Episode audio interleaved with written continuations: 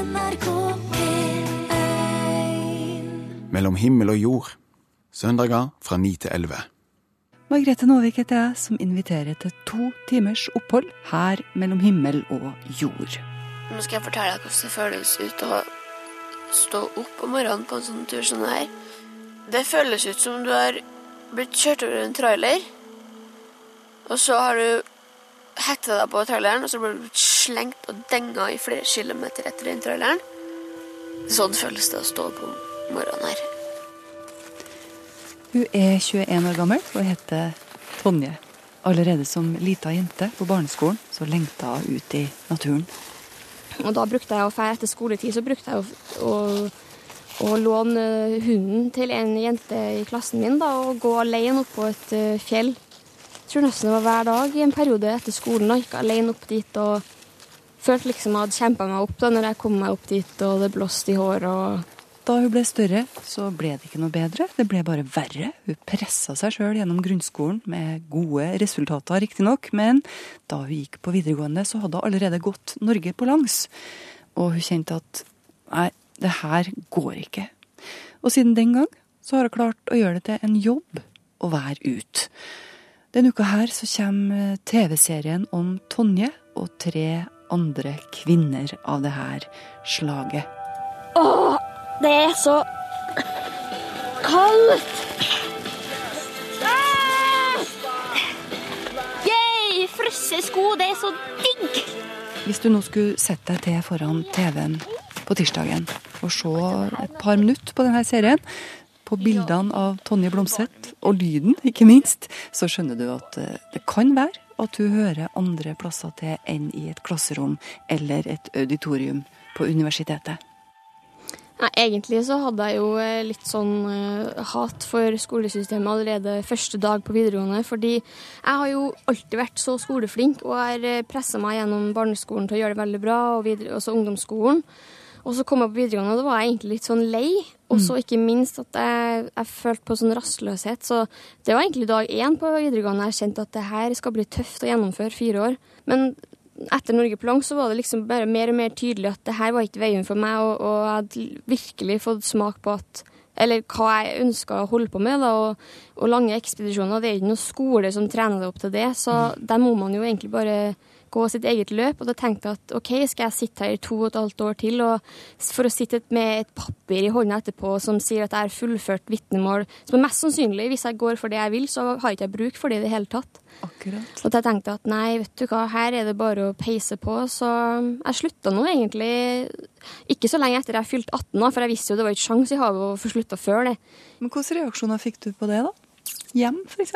Nei, det blir jo ikke tatt imot så godt, da. Det er jo ikke noe hemmelighet at uh, hun skulle ønske at jeg var uh, Fortsette å være flink pike, skulle jeg si. Men eh, jeg tror nå egentlig at jeg hadde fylt opp begeret mitt med flink pike-syndromet. Så det var bare å bryte ut så fort som mulig, og jeg har ikke angra en dag, altså. Jeg er lynforbanna. For i dag så fikk jeg mensen. Det var ikke en planlagt mensen. Jeg hadde utsatt den, så fikk jeg den likevel. Og da blir jeg dritsur og sint og hormonell, og alt er bare drit. Ja, alt er bare drit. Men det er akkurat da, for Tonje, hun lever det livet hun vil leve. Det har vært eh, tungt å gå opp sin egen vei, så ung som hun var da hun starta med det her. Nei, vet du, det, jeg var ikke klar over det egentlig. Eller jeg skjønte det, men, men det er først i ettertid jeg har sett hvor mye disiplin det krever. fordi du må jo stå på for alt sjøl, og du har ingen som backer deg opp, ikke noe system så på en måte du har noe sikkerhet i. Du må nesten bare jobbe ræva og få, og få til kontaktnettverket ditt sjøl. Mm. Og det er jo veldig tøfte tider, men, eh, men jeg syns nå friheten gjør opp for det, da. Når har du liksom kjent at uh, motet har svikta, da? Nei, det har jo svikta iblant når eh, hva man skal si når det er rolige perioder. Ikke så mye forespørsler om foredrag, f.eks., for eksempel, eller, Mm. eller sånn i oppstartsfasen så er det jo tøft, fordi at man har ikke så mye kontakter. Men noe nå, sånn som nå i dag, så har jeg jo opparbeidet meg nok til at nå vet jeg akkurat hva som må til for å få til akkurat det jeg vil. Du vet at du kan leve av det? Ja, jeg, jeg lever jo av det nå, så Ja. det er bare det at inntekten kommer i rykk og napp, og noen ganger så er man skinnblakk, og noen ganger så har man veldig, veldig godt med pengene. Der er veien. Den går inn dit. Inn i svarte ingenting. Tenk å være mørkredd og oppsøke en sånn tilværelse som Tonje Blomstedt gjør. Så mye som hun har vært ute, så har det blitt ganske bra. Men det hender at hun er redd fortsatt. Og hva er det hun er redd for? Er det folk? Er det mørke krefter? Nei, det jeg kan jo være redd for alt mulig. ikke sant? Det kan jo være sånn som når jeg var i Alaska nå, så var det jo den der grizzlybjørnen jeg hele tida hadde i bakhodet. Ja. For da hadde jeg jo gira opp meg sjøl med å lese masse sånne der skrekkhistorier, da, som egentlig bare er sjeldne tilfeller, men som har skjedd. Og så tenker jeg at eh, å herregud, det her kommer til å skje med meg. Jeg kommer til å miste et bein eller en arm eller Men det må være en veldig sterk drivkraft du har da for å komme deg ut når du liksom kommer deg gjennom dette her. Ja, men jeg liker jo at det er litt eh, Altså, det har jo vært kjedelig å dra på tur og så tenkt at det her blir jo easy-peasy. Da hadde jeg faktisk ikke gidda å holde på med det jeg gjør. Men du er ikke redd for altså Det er jo litt forskjell på hva folk er redd for, har jeg skjønt, når, eh, når man er redd for mørket. Det kan være dyr, eller det kan være mennesker, men det kan være så, sånne krefter som du ikke kjenner òg. Spøkelser. Er du redd for det? Ja, jeg tror på så mangt. Jeg er jo en eh, sikkert en treåring i hodet, men, eh, men ja, spøkelser. Jeg tror faktisk på det. Jeg har hatt opplevelser med det, så jeg er ganske sikker på at det eksisterer. Og når jeg har vært på tur over deler av eh, Finnmark og Nord-Sverige og sånn, så har jeg jo fått eh, mye beskjeder fra fjellfinn og, og, og samer da, på fjellet som forteller meg hvor jeg skal styre unna. Og det er jo litt creepy, da. Fortell. Nei, altså forteller for eksempel at eh, du skal ikke legge deg og slå leir ved det fjellet og, eller der eller der, for der er det barneskrik om natta og Kom frem. Det er faktisk noe med den plassen her som skremmer livskiten ut av meg. Eh, Det er sånn stemning her som jeg bare til å føle og ta på. Det kjennes ut som det har skjedd et eller annet her, eller at det er en veldig gammel plass hvor det på en måte har skjedd et eller annet grusomt for lenge siden. Jeg føler meg bare trygg hvis jeg ligger i teltet mitt, og når jeg går bortover der.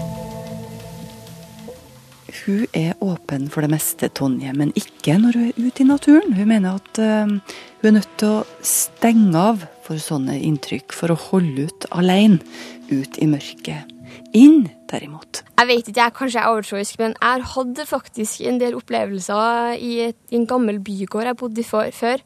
Men, eh, og der spøk det virkelig, for eh, det var sånn vi kunne komme hjem fra jobb, og så var eh, hel, alle vinduene i, i huset sto opp, og det var Møblene var ommøblert, og vi hadde jo en leieboer under som spurte om vi var hjemme, for det var så mye trasking opp. Men det var jo ingen som var hjemme da. Jeg, og jeg hadde spesielt en opplevelse en gang hvor jeg følte det var noen som var så nær meg at det var helt, jeg måtte bare springe ned fra loftet, for det var så ekkelt. Hva tror du her er? Nei, jeg tror det er bare noen som går igjen i huset, da. Energi, eller hva det nå er. Men jeg tror virkelig på eh, litt sånn andre Jeg vet ikke om jeg skal si skapninger, men et eller annet. Men det er folk som er døde, tenker du? Det er noe som, noen som holder på etter døden? Ja, jeg tror det. Enn ute i naturen, da? Er det noe av dette her der? Ja, der er det veldig mye, men der på en måte så har ikke øynene og, altså har ikke øynene og ørene åpne for det, fordi jeg er så konsentrert om det jeg sjøl driver med. Men altså, det Jeg vet ikke, det kan jo ha vært spesielt der, men jeg har hørt flere venninner og venner oppi her i Karasjok som har opplevd mye rart altså på fjellet.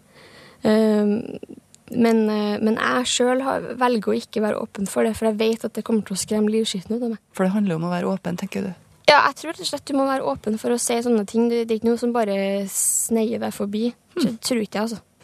Hvordan, eh, jeg lurer jo litt på hva du tenker om framtida. Hvordan ser Tonje Blomstedt ut som gammel dame? Hvem er du da? Oi, gammel dame. Da må du nesten spesifisere hvor gammel. Ja, hvis vi sier eh, 80, da?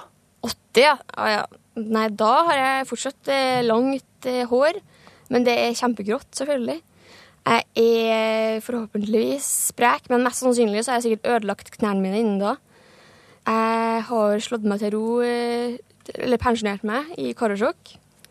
holder på å sy skaller og pesk til barnebarna, sikkert. For det er jo det, jeg har jo tenkt å gjøre skikkelig samekjøring av meg etter hvert her. Du har det, ja? Ja, det, det håper jeg nå at det blir. Så jeg regner med at når jeg er 80, så er jeg egentlig godt losjert i foran symaskina og egentlig har trukket meg litt tilbake, men eh, og fortsatt eh, sikkert går eh, noen spreke turer, men Tror du du har rullator? ah, herregud, det håper jeg seriøst ikke. Da tar jeg fram kuldekremen min, som egentlig er ment for små barn i barnehagen. How to get a glowing, fantastic skin. Because you worth it.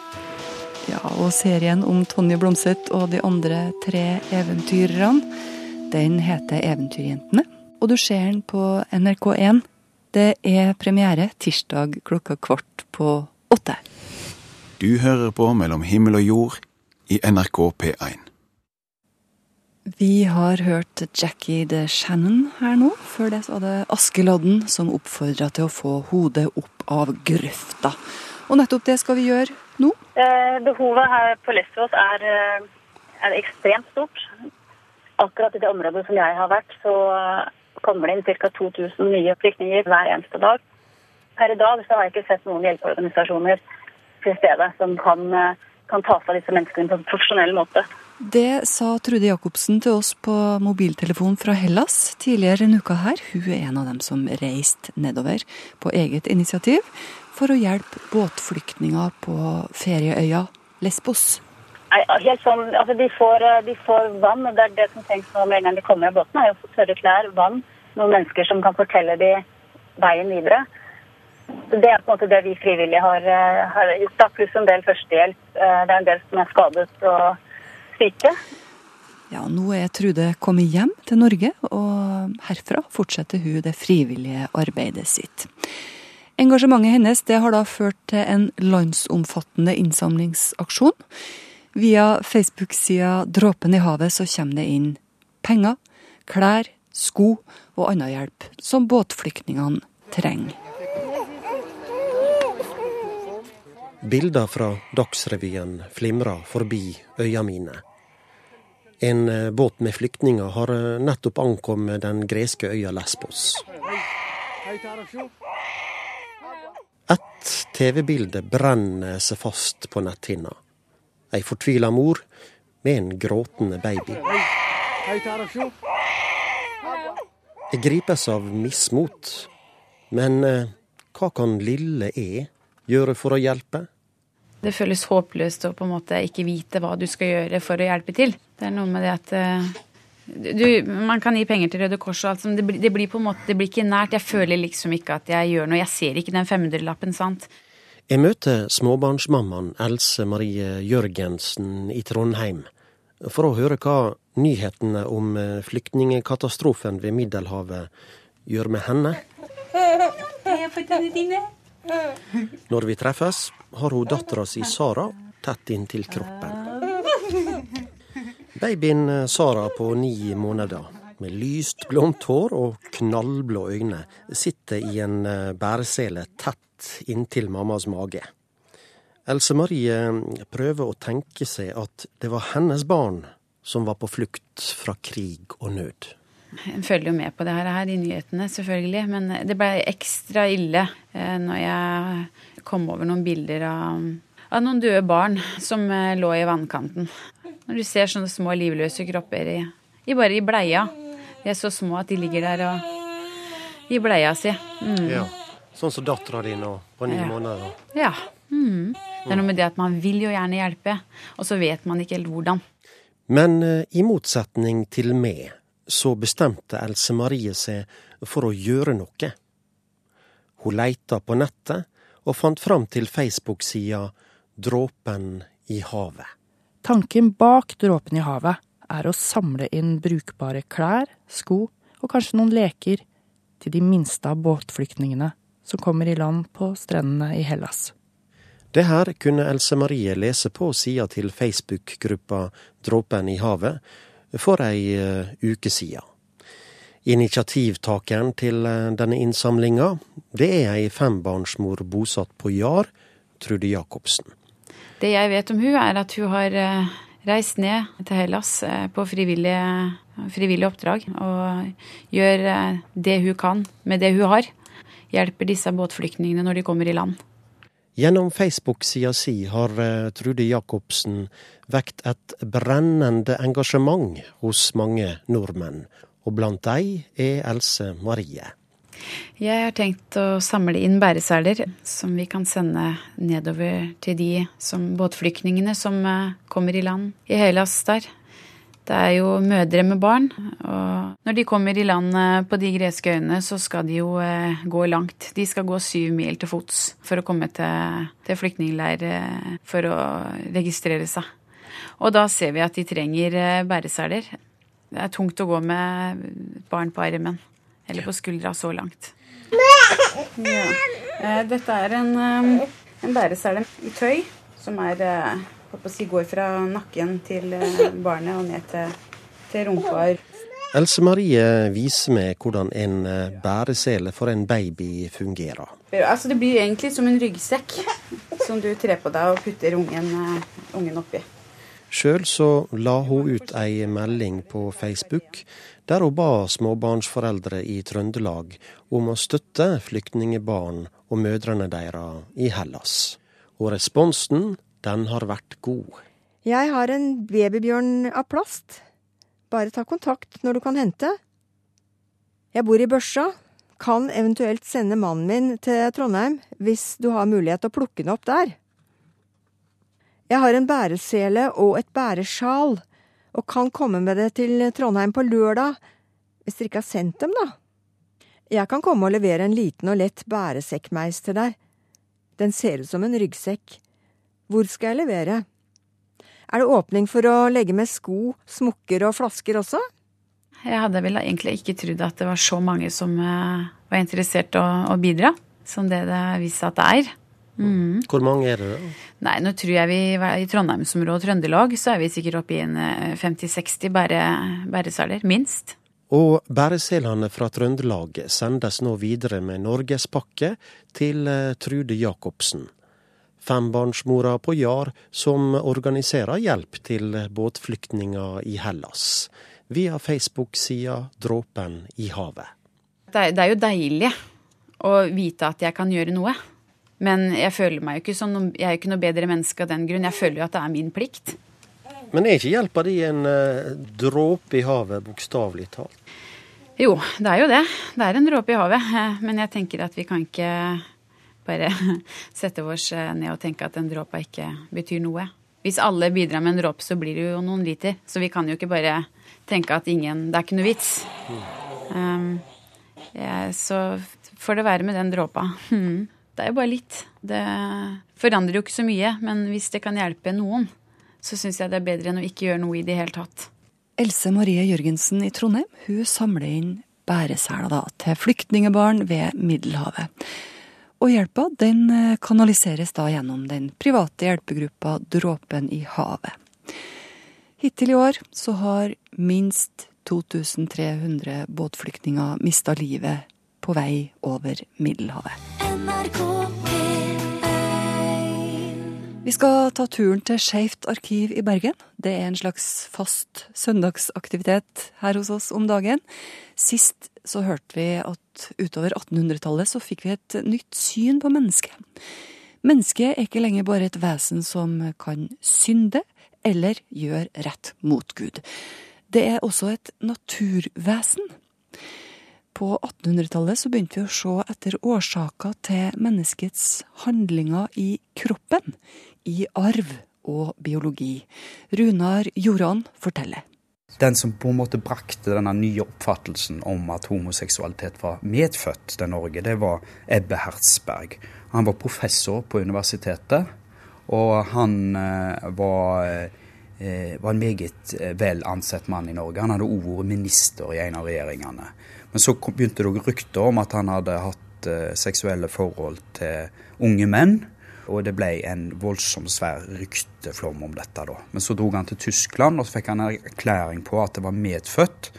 Og at han ikke kunne noe for det, og at det var naturlig. Tok han den tilbake til universitetet, og så sier universitetet denne erklæringen her er jo bare ytterligere grunn til at vi må sparke deg fra stillingen. Så han mista stillingen sin. Interessant med den saken der er at han ikke blir omtalt i eh, pressen. Så det er nok en tankegang i Norge om at man fremdeles skal prøve å legge lokk på sånne ting, ikke omtale det, og at, eh, at det er fornuftig. Men det forandrer seg jo da etter hvert. Ja. Utover i Europa da, så begynner det å bli en god del oppmerksomhet om eh, det man da etter hvert kaller homoseksualitet. Og en av de store milepælene da er rettssaken mot Oscar Wilde i 1895 i England. Eh, han, det blir da avslørt at han har hatt eh, forhold til andre menn. Og eh, det var ei sak som fikk stor oppmerksomhet i media, og så vidt jeg kan se, òg i svenske og danske aviser. Fra utlandets byer hører vi tale om homoseksuelle selskaper, maskerader, dansemoroer. Den homoseksuelle kulturbølge, ukultur burde det heller kalles, som nå går nordover, har allerede oversvømmet Berlin, og dens forløpere er kommet til København og Stockholm, og snart vil den skylle opp mot våre kyster. Utover på 1930-tallet så, så, ble det stadig mer skriverier i avisene da, om, om, homoseksualitet. Og eh, en sak da som var på en måte den desidert største på en måte sexskandalesaken i Norge på på 30-tallet, det var en sak i Bergen i 1938. Og Der var det da 34 menn da, som ble dømt for brudd på straffeparagrafen, den som straffa da eh, seksualitet mellom menn. Og, og, veldig mange av de som hadde, ble dømt, hadde hatt da, eh, sex med, med, med, gutter under 21 år. altså. Så, så, så det var eh, Det ble en slags sånn panikkstemning her om at, eh, om at liksom eh, ungdommen ble forført, og eh, man snakket om at de kunne bli homoseksuelle da, hvis de hadde sånne opplevelser da, eh, fram til de var 21 år. Altså. Den type saker òg bidro veldig til at man knytta det med homoseksualitet til det vi i dag ville kalt pedofili. Altså Man hadde ikke noe sånn begrepsmessig skille, på en måte. Og denne tanken om at ungdommen da på en måte kunne bli forført til å bli homofil, det var noe som eh, hang igjen til langt inn i etterkrigstida, og som var et, på en måte en sånn trusselbilde som man forestilte seg når man, når man snakket om eh, homoseksualitet. Det sier Runar Joran, som er tilbake med skeiv historie fra krigens dager neste søndag. Reporter på Skeivt arkiv eh, i Bergen, det er Trond Sot Ryen. Klokka har eh, passert ti og vel så det. Det er 6. september, og vi må vel kunne si at det er høst nå. Høst, det betyr tid for forandring for mange av oss. For Heidi Brurok, for eksempel. Da de to sønnene hennes nylig pakka sammen og flytta hjemmefra, på samme dag, så ble hun mer vippa av pinnen enn hun hadde trodd hun skulle bli. For å tulle litt med seg sjøl, da, og sin egen frustrasjon, og kanskje litt for å løfte blikket, så fant hun på en diagnose som hun ga seg sjøl. Posttraumatisk empty nest disorder. Heidi Bruråk åpner kjøleskapet for å ta ut fisken hun skal lage til middag. Her inn finner hun også en av de tydeligste tegnene på at Anders på 19 og Ola på 22 ikke bor i huset lenger. Fullt hele tida. Veldig rart. Ja, For de spiser ganske mye, ja, de gutter på 19 og 22. Så er jeg jo nesten ikke på butikken lenger. Så det er ganske stor forandring, da. Det er noen uker siden sønnene pakka ned tingene på rommene sine og flytta til hver sin by for å studere. Nå viser hun frem et rom hvor det ikke er annet enn en seng og et skrivebord. Det er ene gutterommet, da. Det så definitivt ikke sånn ut for to uker siden. Da ville jeg vært mye mer på gulvet og rundt omkring. Og skrivebordet ville vært fullt av colabokser og litt forskjellig. Nå er det helt tomt og vaska ut. Det var i sommer det ble klart at begge sønnene til Heidi skulle gå på skole utenbys. Og da måtte hun gå noen runder med seg selv. Nei, Det raser jo en del tanker. Mest så er det vel hvor ble nå de 20 årene av hen? Hva har vi gjort? Og så føler man seg litt eh, gammel sjøl. Det er en veldig sånn uh, intens fase som er tilbakelagt. Da. For alt har jo dreid seg om det. Altså Livet snur jo veldig når du får unger. Det høres jo litt sånn klisjéaktig ut, men det gjør jo faktisk det. da. Det Fokuset for han vender seg jo bort fra deg sjøl og til noe annet som er større enn deg sjøl. Så dreier seg nå det meste om det. Og så plutselig så var det over, liksom. Tilbake på kjøkkenet blir laksen krydra og delt opp i porsjonsbiter. Det er først nå, etter noen uker med to færre rundt middagsbordet, Heidi har greid å justere mengden med mat. Og så måtte jeg, jeg måtte ut og kjøpe meg en sånn litt mindre sånn kasserolle og mindre uh, ildfast fat. Jeg skulle lage biff med sånn poteter en dag og hadde jo bare sånne svære ting. Det ble jo litt sånn tullete med to stykker og den lille mengden. Heidi setter fisken inn i stekeovnen. For første gang på over 20 år hender det at hun nå lager mat til bare seg selv. Det er òg litt sånn snodig, da. For det ga meg jo en sånn tanke en gang uh, kanskje en gang skal jeg bo alene. Det har jeg aldri gjort. Det er sånne tanker som jeg ikke har tenkt før, for huset her har bestandig vært så fullt. Og så er det plutselig ganske tomt. Eh, så det setter i gang med sånne tanker som jeg ikke har hatt før. Da. Det kan hende jeg skal bo alene en gang i livet, jeg òg. Tomme gutterom har ført en del nye tanker hos Heidi Bruråk. Og hun syns det var tøffere enn hun hadde trodd å bli færre i huset. En av strategiene for å takle den nye livsfasen er selvironi. Bl.a. ved å gi seg selv en diagnose. Posttraumatisk empty nest syndrom disorder, tror jeg jeg sa. Ja, Det er jo et helt corny, oppkonstruert ord. da. Det var vel mer for å gjøre litt narr av min egen situasjon eller frustrasjon. Eller. Men du tok det litt med humor, da? Ja da, det bruker jeg å gjøre med det meste, egentlig. da. Det, det er jo, altså, Hva var det jeg sa til meg? At det eneste som er verre enn at de flytter hjemmefra, er jo at de ikke gjør det. Ja, Så det er jo en helt normal, naturlig utvikling. Det, men det er klart at begge flytta på samme dagen, det ble jo litt uh, spesielt, da. Det var jo som kolben datt ut av bildet her. Når ungene forlater hjemmet, kalles også tomme redets syndrom. Det er ingen klinisk diagnose, men et fenomen, en tilstand, som går over. Og det kan være smart å fylle livet sitt med nytt innhold når barna ikke trenger en lenger. Heidi har allerede begynt å synge i kor, og jobber som telefonvakt hos Kirkens SOS. Jeg tenker at det er fornuftig å være litt i forkant, da. Og ikke vente til at du sitter litt sånn stusslig alene og begynner å tenke ut det. Er du glad for at du lå litt i forkant med den biten? Ja, det hadde sikkert ikke vært umulig nå heller, for selvfølgelig ikke. Men eh, det er en berikelse å ha mange interesser i livet sitt, syns jeg, da. Er du klar til å feire? Heidi sier ha det til attpåklatten Iben på snart tolv, som skal på fotballtrening. Hvis hun ikke hadde hatt Iben, ville det virkelig blitt tomt i huset. Særlig fordi mannen hennes jobber i en turnus med mange kveldsvakter. Men en av helgene som har vært, var hun og mannen alene hjem for første gang på 22 år. Det ble jo så mye tid. Det er jo ingen logistikk noen plass. Ingen som skal kjøres, ingen som står og venter på mat, ingen, skal, ingen fotballkamper du skal se på. Det, vi kunne bare fylle to hele dager med akkurat det vi ville. Hva gjorde dere da? Vi dro på konsert på Bakklandet. Sånn første date?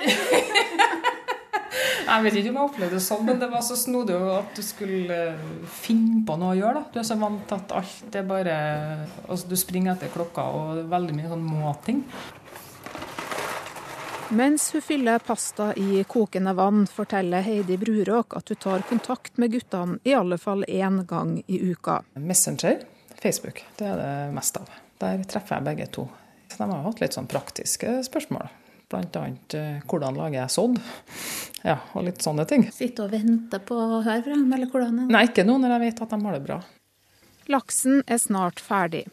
Selv om Heidi må spise middag alene i dag, tror hun det nye livet uten Ola og Anders i huset skal gå bra. Jeg skal ikke gjøre det større enn det heller. Det er en helt normal prosess. Det, ungene har man til låns. Det er jo en klisjé å si det, men det er nå sånn det er.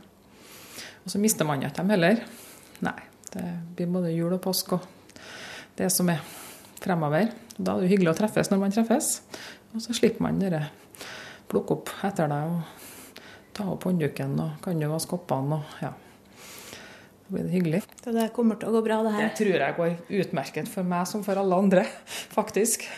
Lise Sørensen var hjemme og sjekka forholdene hos den nylig fraflytta mammaen Heidi Brurock. Mellom himmel og jord, NRK P1. Viktig å få med seg. Hei, jeg heter Arnfinn Christensen. Jeg er forskningsjournalist. Jeg står foran Vitenskapsmuseet her i Trondheim. Snart skal jeg inn og snakke om hvordan teknologien kan gjøre tilværelsen vår bedre, og kanskje skaffe oss noen nye problemer også.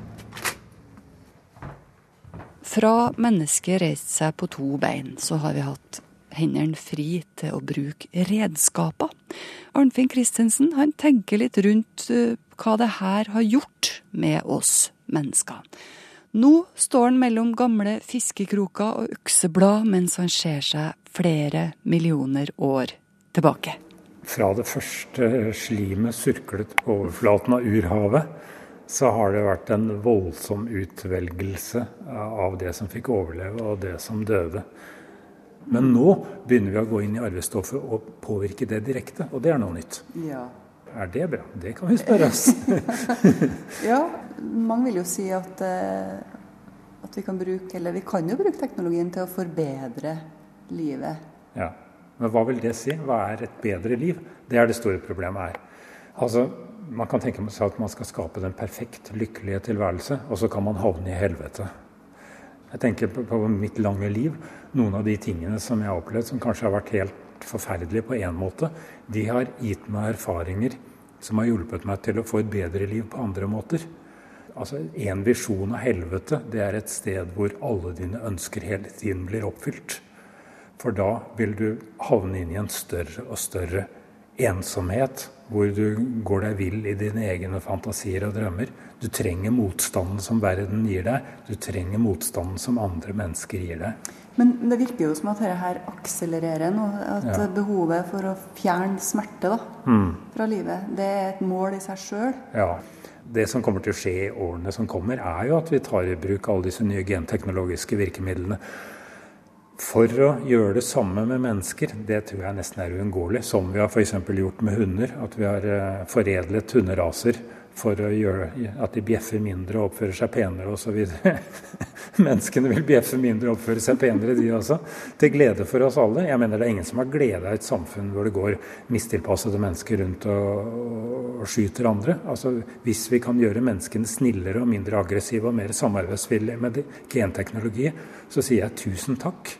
Men så må vi ha i bakhodet hele tiden at dette er en vei vi må gå, og så må vi se hvor har vi havnet i terrenget hele tiden. Vi må ikke tro at vi har valgt den riktige veien, fordi der må vi se ok, nå gjorde vi noe som, som fører oss litt på ville veier. Vi har fått en sedat, eh, snill, eh, tam, litt eh, dottete menneskehet.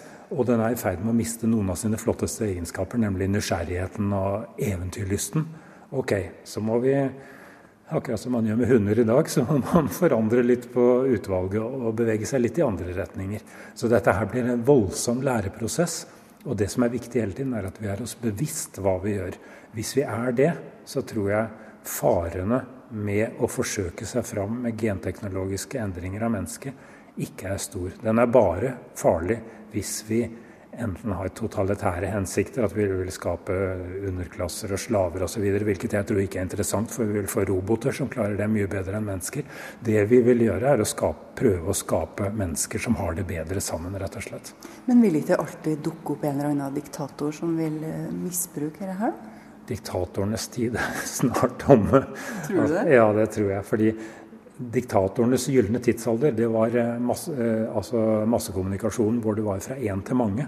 Tenk deg Goebbels i dag med internett. Hva skulle han gjort? Stakkars mann. Alle snakker med alle. Han kunne ikke klart å sensurere noe som helst. Så muligheten for å drive et diktatur er i ferd med å smuldre hen. Heldigvis. Men eh, det virker jo som mennesket har et sånn grunnleggende behov for å bli leda, da. Du ser jo det i dag òg. Vi har et behov for å bli ledet, men der mener jeg det påhviler hvert enkelt menneske et veldig stort ansvar for å reflektere rundt den impulsen, den lysten til å bli ledet. Ja, men gjør vi det, da? Jeg, jeg, tror på menneskene. Jeg tror faktisk vi gjør det.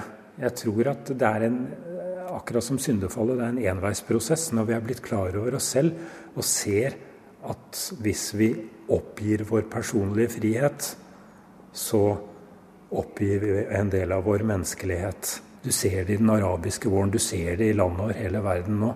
Altså Det er drømmen om personlig frihet og det personlige ansvar, det er så sterkt. Si optimisten Arnfinn Christensen. Vi er nødt til å være optimister, for hvis vi er pessimister, så går det en fin nedadgående spiral som ender eh, i eh, krasjlanding. Og det er ikke så veldig tragisk for jorda. Det er ikke så veldig tragisk for universet. Klodene snurrer videre rundt for det. Men det er jo litt trist for oss mennesker, da. Så vi har egentlig ikke noe valg. Vi må være optimister. Det sier Arnfinn, som snakker om eh, hva teknologien gjør med oss den høsten her. Og neste gang han kommer, da skal det handle om evig liv på jorda. NRK Du hører på Mellom himmel og jord. Um, ok, skal jeg si det nå, da, eller? Ja. Uh, jeg heter Nasish Khan, og jeg tror på Gud. Um, min nære relasjon til Gud bygger på at uh, Gud lærer meg via Koranen å være en tolerant person. Uh, vise medmenneskelighet, kjærlighet til mine medmennesker. Vise hensyn. Å være åpenhjertig og raus og hjelpe mennesker som trenger hjelp og er i nød. Jeg føler at min kontakt med Gud er eh, egentlig konstant. Den forsterkes eh, når jeg ber, for eksempel. Når jeg da er ferdig med den rituelle bønnen, så ber man en personlig bønn til Gud. Da Det er da jeg føler at jeg har den sterkeste åndelige tilknytningen til min Gud, som da Når jeg er ferdig med den bønnen, så føler jeg meg ekstremt lettet. Jeg føler meg rolig, og jeg føler at jeg har sterkere krefter innad til å takle hverdagen min. Jeg får så mye ut av det at det er helt utrolig. Det sier Nasish Khan, som også kommer tilbake for å snakke om det å leve i et arrangert ekteskap seinere i høst. Nå skal jeg foreta en liten forskyvning i tid og rom, mens Lillebjørn Nilsen underholder deg. På noen få minutter er det faktisk mulig på radio da, å flytte seg fra studio her i Trondheim til ei hytte på fjellet med en korpulent labrador retriever, som vi hører her. Og ei klok dame på ei trapp. Hei, jeg heter Siri Spillum, og jeg sitter på trappa og jeg venter på Margrethe. Og vi skal snakke om det å være tydelig. Hallo! Hei, Kom igjen, kom igjen. Hei, Rufus. Jeg sitter her på trappa, kaffen er klar. Å, det er så kjekt, vet du. Får vi besøk? Ja. I dag skal vi snakke om eh, det å være tydelig, eller Ja. utydelig, rett og slett. Ja, ja, ja. Vi kaller det tåkefyrsten, vi. Ja, det, det Ja, gjør vi. ja, ja. Du har en liten sånn eh, anekdote om Mm. eh, hva, hvilke konsekvenser dette kan få. Det kan få store konsekvenser. Og da tenker jeg på en liten eh, historie om eh, det paret som hadde vært gift i 30 år, eller hva det var. Eh, hvor de hadde da delt eh, rundstykke hver dag til frokost. Mm. Og hvor hun likte toppen best, og han likte da Botten best. Mm. Ja. Og så viste det seg etter 30 år, da, selvfølgelig, at det var ikke Det stemte ikke, det de trodde. Mm.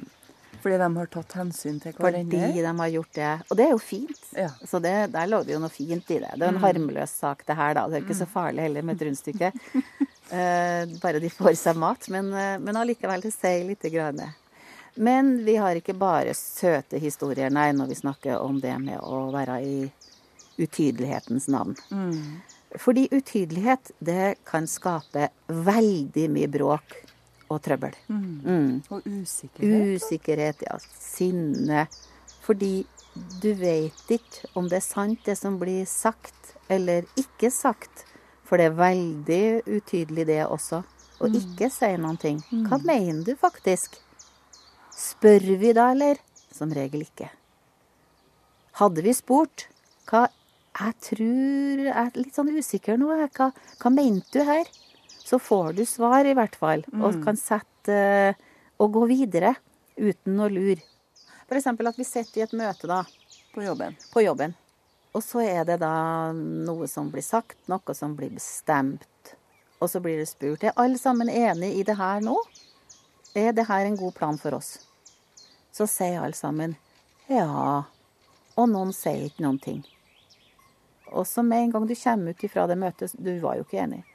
Og med en gang du kommer ut fra det møtet, så tar du jo tak i de du vet er dine frender. Og så er det i gang. Hvor Kanskje det- bak ei lukka kontordør, eller Ja, gjerne det, da. Eller i lunsjen, eller At det var jo egentlig ikke så bra likevel. Men er det litt sånn som det rundstykket, at du, at du tror at du tar hensyn til folk? Det kan det også være. Det er absolutt ikke nødvendigvis ondt ment. Nei. Når vi er utydelige, så tenker vi ikke gjennom konsekvensen av det. Og det skal vi huske på at eh, det er veldig få av oss faktisk som er tankelesere. Vi tror kanskje at vi vet hva andre tenker, men det gjør vi ikke, altså. Mm. Men eh, det er jo ikke så lett heller, hvis du er en litt så forsiktig type og, og bryter det. Hvis det virker som at alle er enige, da, Mm. og så kjenner du at du er ikke enig. Mm. Hvordan skal du liksom mote deg opp til å Å si noe i et møte? Ja. Ja, um, det må du bare. Ellers så får du bare godta at sånn ble beslutninga. Ferdig med det, og så får du sjøl også følge den retninga. Og ikke komme etterpå og lage ugreie. Det hadde vært enklere hvis vi var tydelige. Ja, det hadde vært mye enklere. Men når du hører det som er tydelig og oppriktig også, så er det klart at eh, det er ikke alltid like enkelt å ta det imot. Men da får vi venne oss til det, da. Det, det, blir, det blir lettere for alle sammen. Det er alle som vinner på det å være tydelig. Jeg øver hver dag, jeg. Ja, for det, jeg syns det Det er ikke opplagt at, eh, at det er enkelt å være tydelig i enhver sammenheng. Jeg venter og venter, håper at andre skal fikse det sjøl. Men det er ikke sånn livet er. Det vet, jeg vet jo det, så jeg må jo til pers. Når jeg sier 'jeg veit ikke', jeg. Åh, for et uttrykk. Jeg får nesten pels på ryggen når jeg hører det. Eller når jeg sier det sjøl også. Ja. Det er ikke noe styrke i det, altså. Mm. Ok, Ja eller nei, sier vi da. Ja, ferdig med det. Vi- Ja. Det sier Siri Spillum. Hun setter altså fingeren på handlingsmønstre og tankemønstre vi har lett for å gå inn i. Siri hun kaller seg sjøl endringscoach. Hun er også foredragsholder og skribent. Mellom annet så har hun forfatta boka Bryt mønstre. NRK P1. Unnskyld, kan jeg stoppe dere et lite øyeblikk? Jeg kommer fra NRK Radio og lurer på om dere er medlemmer i statskirka? Eh, ja, hvis jeg ikke har meldt meg ut, eller noen andre har gjort det for meg. Men du, da? Jeg er ikke medlem. Nei. Jeg er ikke.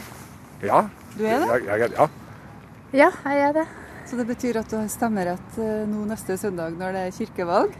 Ja, da har jeg vel det, når du sier det. Er dere medlemmer av statskirka? Nei, ja det er vi, ja. Nei. Eller jo. Jo, det er jeg forresten. Du er det? Jeg tror det. Ja, Det var overraskende mange som ikke hadde helt klart om de er medlemmer eller ikke, da jeg var ute på mikrofonen Gallup denne uka her. Anledningen er altså kirkevalget neste helg. Hvis du nå syns at Den norske kirke er en treig og gammeldags organisasjon, eller hvis du syns at den holder på å vannes helt ut, miste grunnfjellet sitt, fjerne seg fra Bibelen, ja, står du som kirkemedlem, så har du mulighet til å være med og styre retningen til kirka akkurat nå. Og da lurer jeg på, kommer du til å bruke stemmeretten din? Antageligvis ikke. Nei, for jeg kan ingenting med om det. Og... Kommer du til å stemme på kirkevalget? Nei. Nei. Nei. Fordi Derfor. Det er sånn som jeg sier, vet du. Det bare er sånn. Dere vet at det er kirkevalg nå? Ja, jeg har fått det med meg. Kommer du til å stemme, eller? Ja, Det er ikke noe sikkert at jeg vil gjøre. Nei. Det må jeg bare innrømme. Kommer du til å bruke stemmeretten din nå når eh, det skal velges folk i kirka? Det tviler jeg på, egentlig. Det er det altfor travelt for det. Jeg trodde faktisk at jeg ikke var medlem. For jeg meldte meg ut når jeg var 18 år. Så jeg ble litt overraska over at jeg var medlem. Jeg, da. Det ble Så du glad, at, eller ble du lei deg? Nei, jeg ble litt uh, irritert. Jeg kan jo skynde meg å stemme, men da må jeg sette meg inn i hva det går ut på først. Nei, den store hopen ser ut til å være likegyldig. Hva hvis de får høre at striden i all hovedsak står om man skal se på Bibelen som en autoritær skrift, eller om det skal være en mer løslig holdning til hva som står der? Hva hvis de får høre at eh, deres stemme kan være med å avgjøre om likekjønna får gifte seg i kirka? Ja, da skal jeg se litt på det. Du skal se litt på det? Ja. Ja, det skal jeg gjøre. Lykke til. Nei, jeg syns de kan ha like rettigheter, dem òg, som vi andre. De er vanlige mennesker, dem òg. Men ja. stem, det gjør du ikke. Jeg har ikke tenkt så mye over det, men jeg kanskje jeg gjør det nå. Jeg vet ikke. Nei, Jeg har ikke sånn altfor mye meninger om det heller, men uh, syns helt klart at homofile skal holde gift seg i kirka. Ja. Men er det noe du lurer på om kirkevalget? Nei, det er ikke det. Men altså, for deg som lurer, da. Når du kommer inn i stemmelokalet og skal delta i kirkevalget, så skal du levere to lister. Én for menighetsrådet og én for bispedømmerådet. I menighetsrådet så er det navnene du stemmer på. Leverer du lista sånn som den er, så får alle én stemme hver. Er det noen du har som favoritt, er veldig enig med, så kan du sette et kryss ved siden av. Da får vedkommende to stemmer fra deg. Du kan velge tre sånne favoritter og sette kryss ved siden av. Når det gjelder bispedømmerådet, altså det vi kan sammenligne med Stortinget, så er det to lister å velge mellom for dem som ikke sogner til Bjørgvin og Stavanger. Den ene heter Åpen folkekirke. Det her er enkelt. De som står på lista der, er for en litt mer åpen tolkning av Bibelen, også vigsling av homofile. Den andre heter nominasjonskomiteen, og her er det litt mer komplisert. Men hvis du syns at kirka skal holde på prinsippet om Bibelens autoritet, og at ekteskapet skal være mellom kvinne og mann, så finner du navn på denne lista som du kan stemme på. Hvis du ikke helt vet hva de forskjellige står for, så kan du gå inn på nettsidene til en organisasjon som kaller seg Levende folkekirke. De har laga en brosjyre med navnene som står for den holdninga her. Da er det sånn her også at du kan sette et kryss på dine favoritter, og da får de to stemmer av deg. Vi skal tilbake til vestfronten av Nidarosdomen. Der møtte vi noen få som hadde satt seg inn i hva det her står om, og dem har det klart hva de vil stemme. Ja, jeg stemmer, ja. Ja, så Ja. klart jeg gjør det. Jeg gjør det. Og det er litt vittig, for jeg skal egentlig møte eh, en firmenning av meg her nå fra Amerika. Hun er homofil, eller lesbisk, da. Hun og damen kommer her nå. De er to eldre damer i 60-70-årene. De har jo ikke fått gifta seg i Amerika. Jeg mener folk som er glad til hverandre, må få lov til å gifte seg, uansett kjønn. Unnskyld? Er du medlem i statskirka? Ja, Da har du stemmerett neste søndag når eh, jeg har vært og stemt allerede, du. Har du gjort det? Ja, for første gang. Hva var det som gjorde For du har jo hatt stemmerett i noen år. Ja. Hva er det som gjorde at du bestemte deg for å stemme den gangen her? Jo, det, dette var en alternativ eh, liste til, til eh, bisperådet. Ja, Derfor syns jeg det er veldig viktig å stemme i år.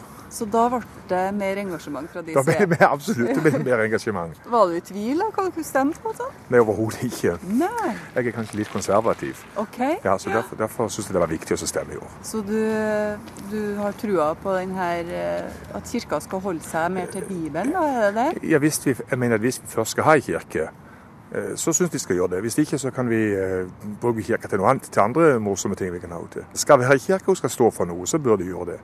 Og Jeg er ikke noen ivrig kirkegjenger sjøl og har lite forhold til kirka. Men eh, hvis vi skal ha henne som et symbol for, for det religiøse i Norge, så syns jeg vi bør ha henne sånn. Men det, er- det er mitt litt gammeldagse syn, kanskje. Altså, vi sørlendinger. Ja. Vi Vi er litt mer konservative. Tror du det blir bra engasjement eh, i år? Jeg tror kanskje det blir litt bedre, men, men jeg tror det blir altså det er dårlig uansett. For Jeg tror folk virker som at de er, de er lite interessert i hva som skjer i kirka. Jeg har selv aldri stemt før nå. Det viser jo at engasjementet kanskje er dårlig. Mm. Men det er et eller annet i år da, som gjør at du har uh, hekta deg på? Ja, meg, og, og mange med meg, mange jeg kjenner, som, som syns at det var blitt uh, Og det har blitt mange gode diskusjoner ut av det. Er du spent på resultatet, da, eller? Nei, ikke så veldig, egentlig. Jeg syns bare det var litt viktig å si ifra. Så får en heller se hva det blir til for noe. Jeg er som sagt ikke en av de store brukerne av kirka. Så, så, eh, men resultatet blir litt spennende. Blir det. Ja. Tusen takk. Vær så god. Ha en god dag videre, Ha du. det, ha det godt. Ja, og står du nå som medlem i kirka og ikke bruker stemmeretten din, ja, da må du jo bare ta den kirka du får, da. Det vi hørte her, var folk som vandra rundt Nidarosdomen denne uka her, som vi huka tak i da og snakka med om kirkevalget. Som er samtidig med og på samme sted som kommune- og fylkestingsvalget om ei uke. Margrethe Nåvik heter jeg, som gjerne ser at du tar kontakt om det skulle være noen ting. På e-post himmel og jord i ett ord krøllalfa nrk.no. Eller på Facebook på NRK Livet. Der finner du også bilde av mange av dem vi har snakka med i dag. Ha en riktig god septembersøndag. Hør flere podkaster på nrk.no podkast.